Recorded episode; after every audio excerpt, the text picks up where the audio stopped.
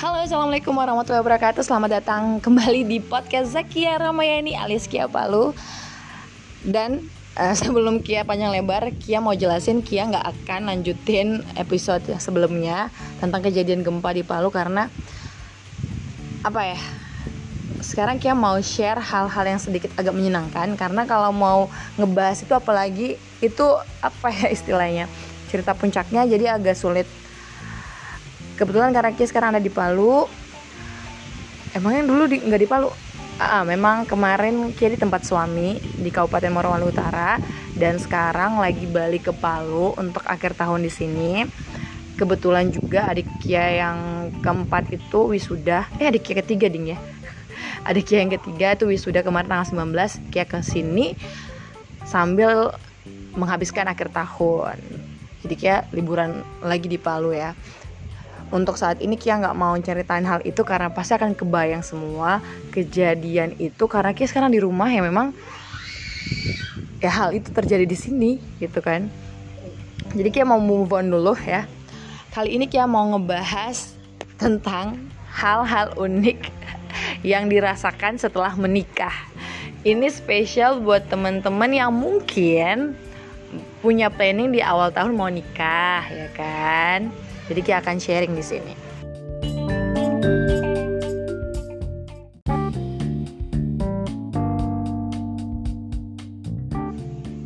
Hal pertama yang menurut Kia unik setelah nikah adalah akan melihat wajah yang sama dari bangun tidur sampai tidur lagi. Itu ngerasanya agak lucu. Jadi setiap uh, apa setiap hari awal-awal nikah gitu sebulanan jadi setiap bangun terus natapin wajahnya cie yang mudah-mudahan yang abis nikah rasanya yang sama sih tapi kan orang kan beda-beda ya. Jadi kalau Kia liatin ini mimpi nggak ya? Ini beneran nggak ya? Masih kayak gitu selama satu bulan. Mungkin sampai sekarang pun juga kadang masih kayak gitu. Eh, kita udah nikah ya? Padahal udah punya anak. Masih rasa belum percaya aja gitu karena ya gimana ya yang dulu kita puluhan tahun 20-an lebih sendiri paling bareng adik dan kakak aja. Apalagi Kia itu saudara hampir semua cewek kita uh, Kia punya adik cowok tuh kecil jauh banget dari Kia. Jadi Kia waktu nikah dia masih SD jadi memang belum pernah terasa ada cowok di rumah gitu loh yang seumuran seperti Kia. Tiba-tiba harus serumah sekamar canggung banget lah kan apalagi ha ada beberapa hal yang dulu mungkin waktu pacaran kayak tutupin. Uh, misalnya wajah paling terjelek istilahnya wajah bangun tidur ya kan? Atau mungkin lagi sakit nggak mandi mandi itu nggak mungkin banget diperlihatkan saat pacaran. Kayak pacaran tuh lima tahun setahun awal itu kita bareng karena kita kan sekampus gitu kan. Sama-sama kuliah di teknik sipil. Setahun tapi dia udah lulus. Dia kerja di tempat uh, yang sekarang uh, di istilahnya di kampung halamannya. Jadi kita LDR selama empat tahunan. Jadi selama lima tahun pacaran itu memang benar-benar uh, ketemunya pun terbatas sebulan sekali atau dua bulan sekali. Dan yang pasti yang dilihat yang yang bagus-bagusnya ya kan? Tapi kalau bangun tidur terus nggak mandi-mandi mungkin sakit. Atau yang paling buat keki adalah uh, gaya tidur yang nggak tahu modelnya kayak gimana ya. Mungkin dia udah kayak tendang kali ya atau kayak tonjok yang nggak tahu. Tapi mudah-mudahan setelah nikah ini kayak tidurnya nggak senakal dulu. Walaupun sebenarnya kayak nggak tahu model tidur kita kayak gimana. Wal, uh, karena pernah saudara kayak bilang, duh kamu modelnya kayak gini, walaupun nggak sekali-sekali aja sih nggak ya nggak aneh-aneh banget. Cuman pasti malu lah kan ya. Ya malu banget kalau ditahu sama suami apalagi cowok yang kita suka kan. Nah itu hal-hal yang sangat krusial banget. Jadi dulu awal-awal nikah juga Kia bangun sepagi mungkin langsung mandi udah harum harum make up jadi terlihat sangat perfect saat pagi hari. Tapi kayak nggak bisa kayak gitu selamanya gitu kan. Ada uh, waktu-waktu kayak lagi sakit apalagi saat hamil itu udah udah ya udah nggak bisa ditolerir. Eh apa sih? Ribet banget sih tolerir. Eh gitu deh. Agak ribet ya ngomongnya. Nah itu hal yang pertama. Terus yang kedua karena awal nikah itu pasti kan nikahnya di rumah perempuan ya kan. Jadi satu dua hari tinggal di rumah perempuan. Kebetulan kita cuma sekitar dua harian aja. Uh -uh, tinggal di rumah.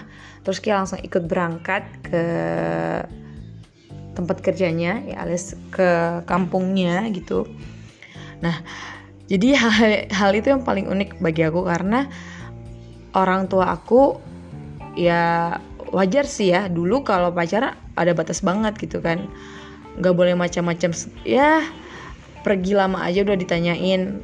Pokoknya kalau ngobrol lama di rumah itu harus ada yang temenin yang kayak kayak gitulah. Nah ini sekarang uh, ya berdua di kamar di rumah abah misalnya ya rumah orang tua aku rasanya lucu aja gitu di kamar terus aduh lucu aja ya beneran lucu. Karena kita itu kan saudara itu cewek hampir cewek semua cuma satu cowok. Jadi kita kita itu semua terbiasa dengan suasana di rumah itu istilahnya uh, bebas istilahnya ya karena kita uh, adik Kia kakak Kia semua berhijab. Jadi kalau di rumah nggak ada masalah itu uh, nggak berjilbab. Tapi pas setelah Kia nikah otomatis adik-adik uh, dan kakak Kia itu ke mana-mana jil, jilbab juga dipakai gitu. Karena ya ada seorang cowok gitu kan dalam rumah.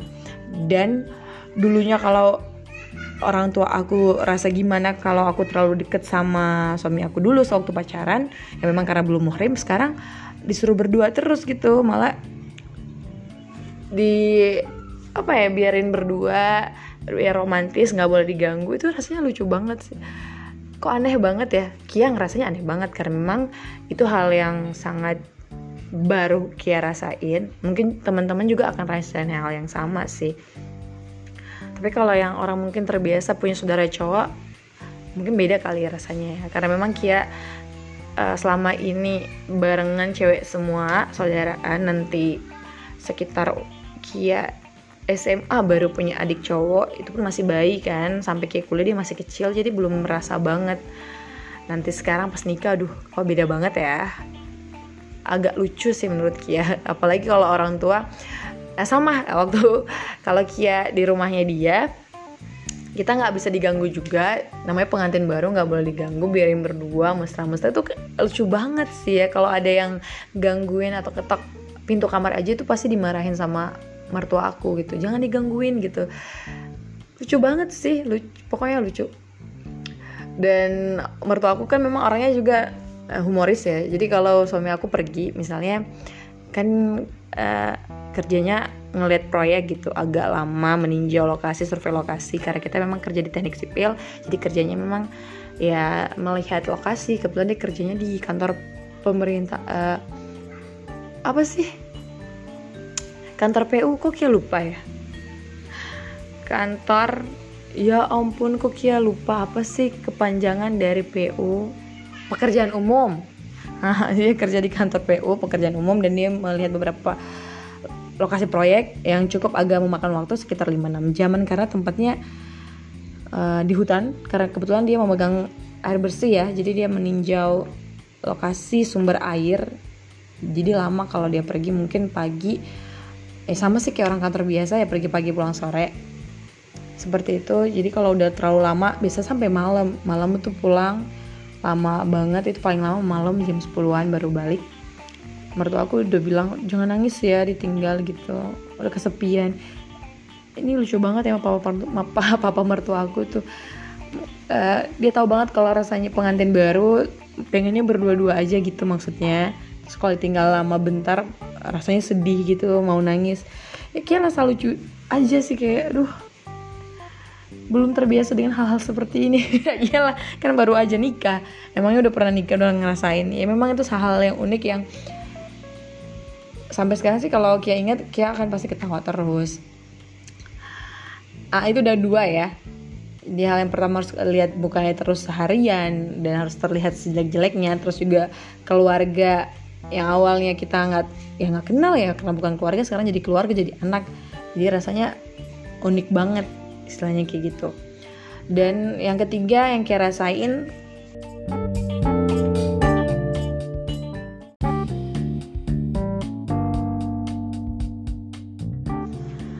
hal ketiga yang buat Kia unik setelah nikah adalah Kia berubah.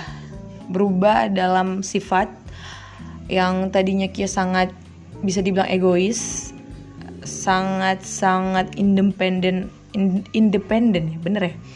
Jadi seorang wanita yang memang Kia terbiasa satu nggak pernah minta uang sama siapa pun sama abah Kia saja itu Kia waktu dari SMA udah nggak mau minta uang lagi kecuali memang bener uang untuk kuliah ya. Tapi kalau minta jajan segala macam Kia nggak pernah minta uang itu karena Kia udah kerja dari SMA udah siaran segala macam. Jadi Kia pakai uang sendiri. Terus kalau ada apa-apa mau ngerjain sesuatu kalau bisa dikerjain sendiri nggak mau minta bantuan orang lain. Jadi sangat bener-bener mandiri istilahnya ya. Ke mana-mana kalau bisa naik motor sendiri terus kalau mau buat apa pun harus sendiri. Ya sebisa mungkin sendiri tetapi setelah menikah apalagi Kia tinggal di tempat yang Kia nggak tahu orang sama sekali. Kia nggak ada temen nggak ada siapa pun kecuali keluarga suami aku aja. Bener-bener aku harus uh, bisa menekan ego aku. Pertama karena aku uh, pindah ikut suami otomatis aku nggak kerja sama sekali. Aku resign dari radio yang memang aku cinta banget. Walaupun sampai sekarang bos aku tuh nggak menganggap aku keluar tetap masih jadi bagian radio nggak pernah menerima surat pengunduran diri aku aku ataupun aku nggak pernah menerima surat uh, pengeluaran istilahnya ya. Pokoknya nggak ada sama sekali surat dan masih tetap berada uh, dianggap sebagai penyiar di situ walaupun nggak nggak ada jadwal jadwal siarannya sih. Udah tiga tahun sekarang ini nggak ada. Jadi benar-benar Kia nggak siaran, Kia nggak nge-MC sama sekali karena Kia nggak tahu siapa pun di sana. Untuk job-job MC-nya pun sangat berbeda juga. Di sana itu sangat sedikit banget uh, acara. Pernikahan itu sebulan sekali itu bersyukur banget ya karena memang kabupatennya kecil gitu. Dan kalaupun di bagian yang lain ada acara pesta segala macam itu beda pulau. Kita naik kapal ke seberang itu jauh-jauh banget antar desa antar kecamatan aja jauh banget. Ada yang naik kapal melewati hutan pokoknya luar biasa ya.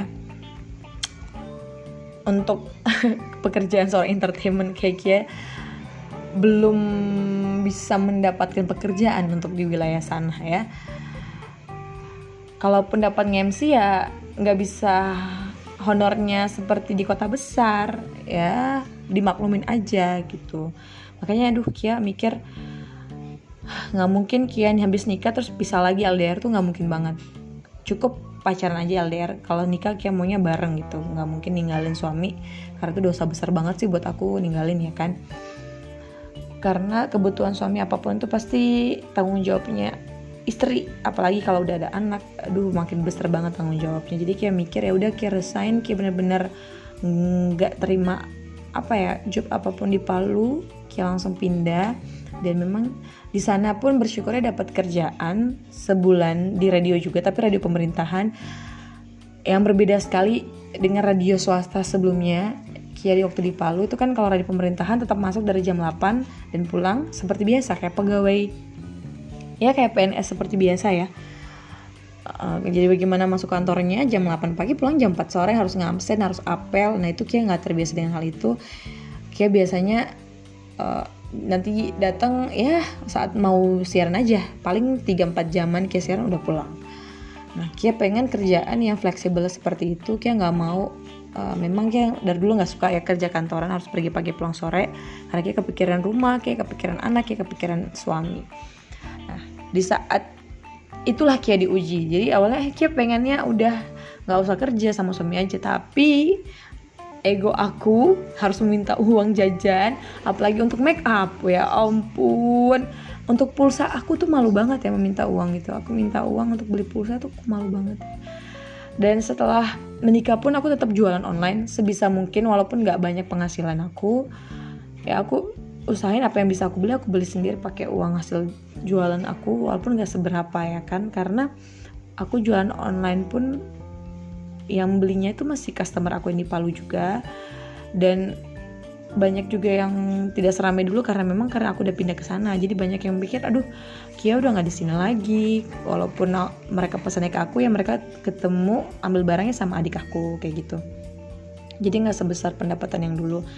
Nah itu aku harus menekan ego untuk meminta uang jajan apalagi untuk kebutuhan pribadi aku berani minta kalau untuk masak ya untuk ma ya untuk kebutuhan rumah. Tapi kalau untuk kepribadian diri pulsa make up body care yang kayak gitu kayak agak risih juga sama sampai sekarang masih agak risih gitu.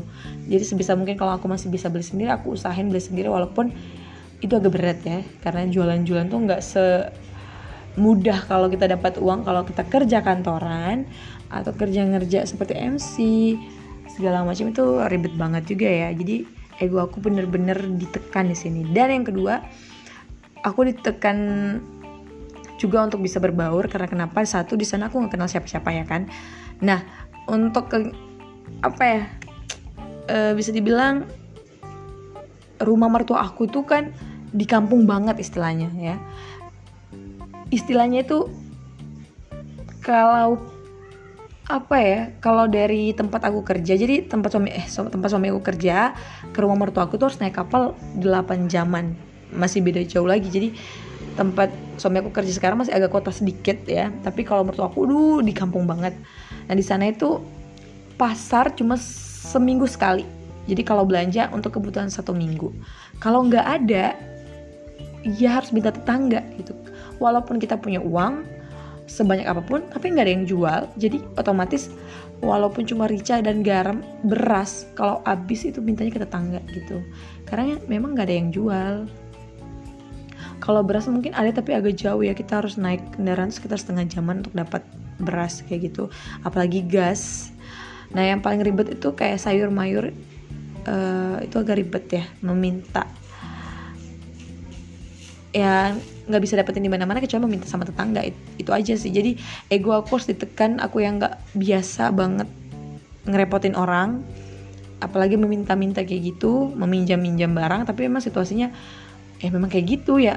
Ego aku ditekan di sini. Memang oh ternyata kita harus bener-bener bisa berbaur sama orang atau saling menolong gitu. Ini bukan di kota yang seperti di, di rumah aku gitu ya di lingkungan aku ini enggak ini beda. Jadi memang sana orang sangat sangat saling membantu satu sama lain dan satu kampung satu kecamatan tuh bisa saling kenal. Karena memang rasa persaudaraannya itu loh saling membantunya luar biasa. Itu membuat Kia aduh rasa ego Kia akhirnya berkurang. Dan memang sekarang menjadi lebih lebih apa ya lebih care lagi deh sama orang.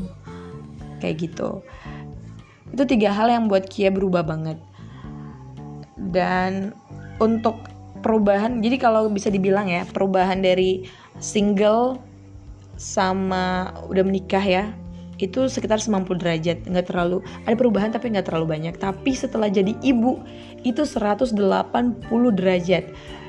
Itu semua berubah bukan cuman sikap atau apa ya lingkungan tapi waktu bangun tidur kamu waktu kamu waktu bangun tidur mandi makan itu semuanya berubah. Total. Tapi Kia akan bahas nanti di episode selanjutnya ya karena ini udah panjang banget. Jadi di sini cuma tiga hal aja yang menurut Kia yang unik yang aneh yang lucu setelah menikah. Kalau teman-teman mungkin punya pengalaman yang beda dari Kia wajar ya. Karena memang orang-orang itu pasti punya punya pengalaman tersendiri.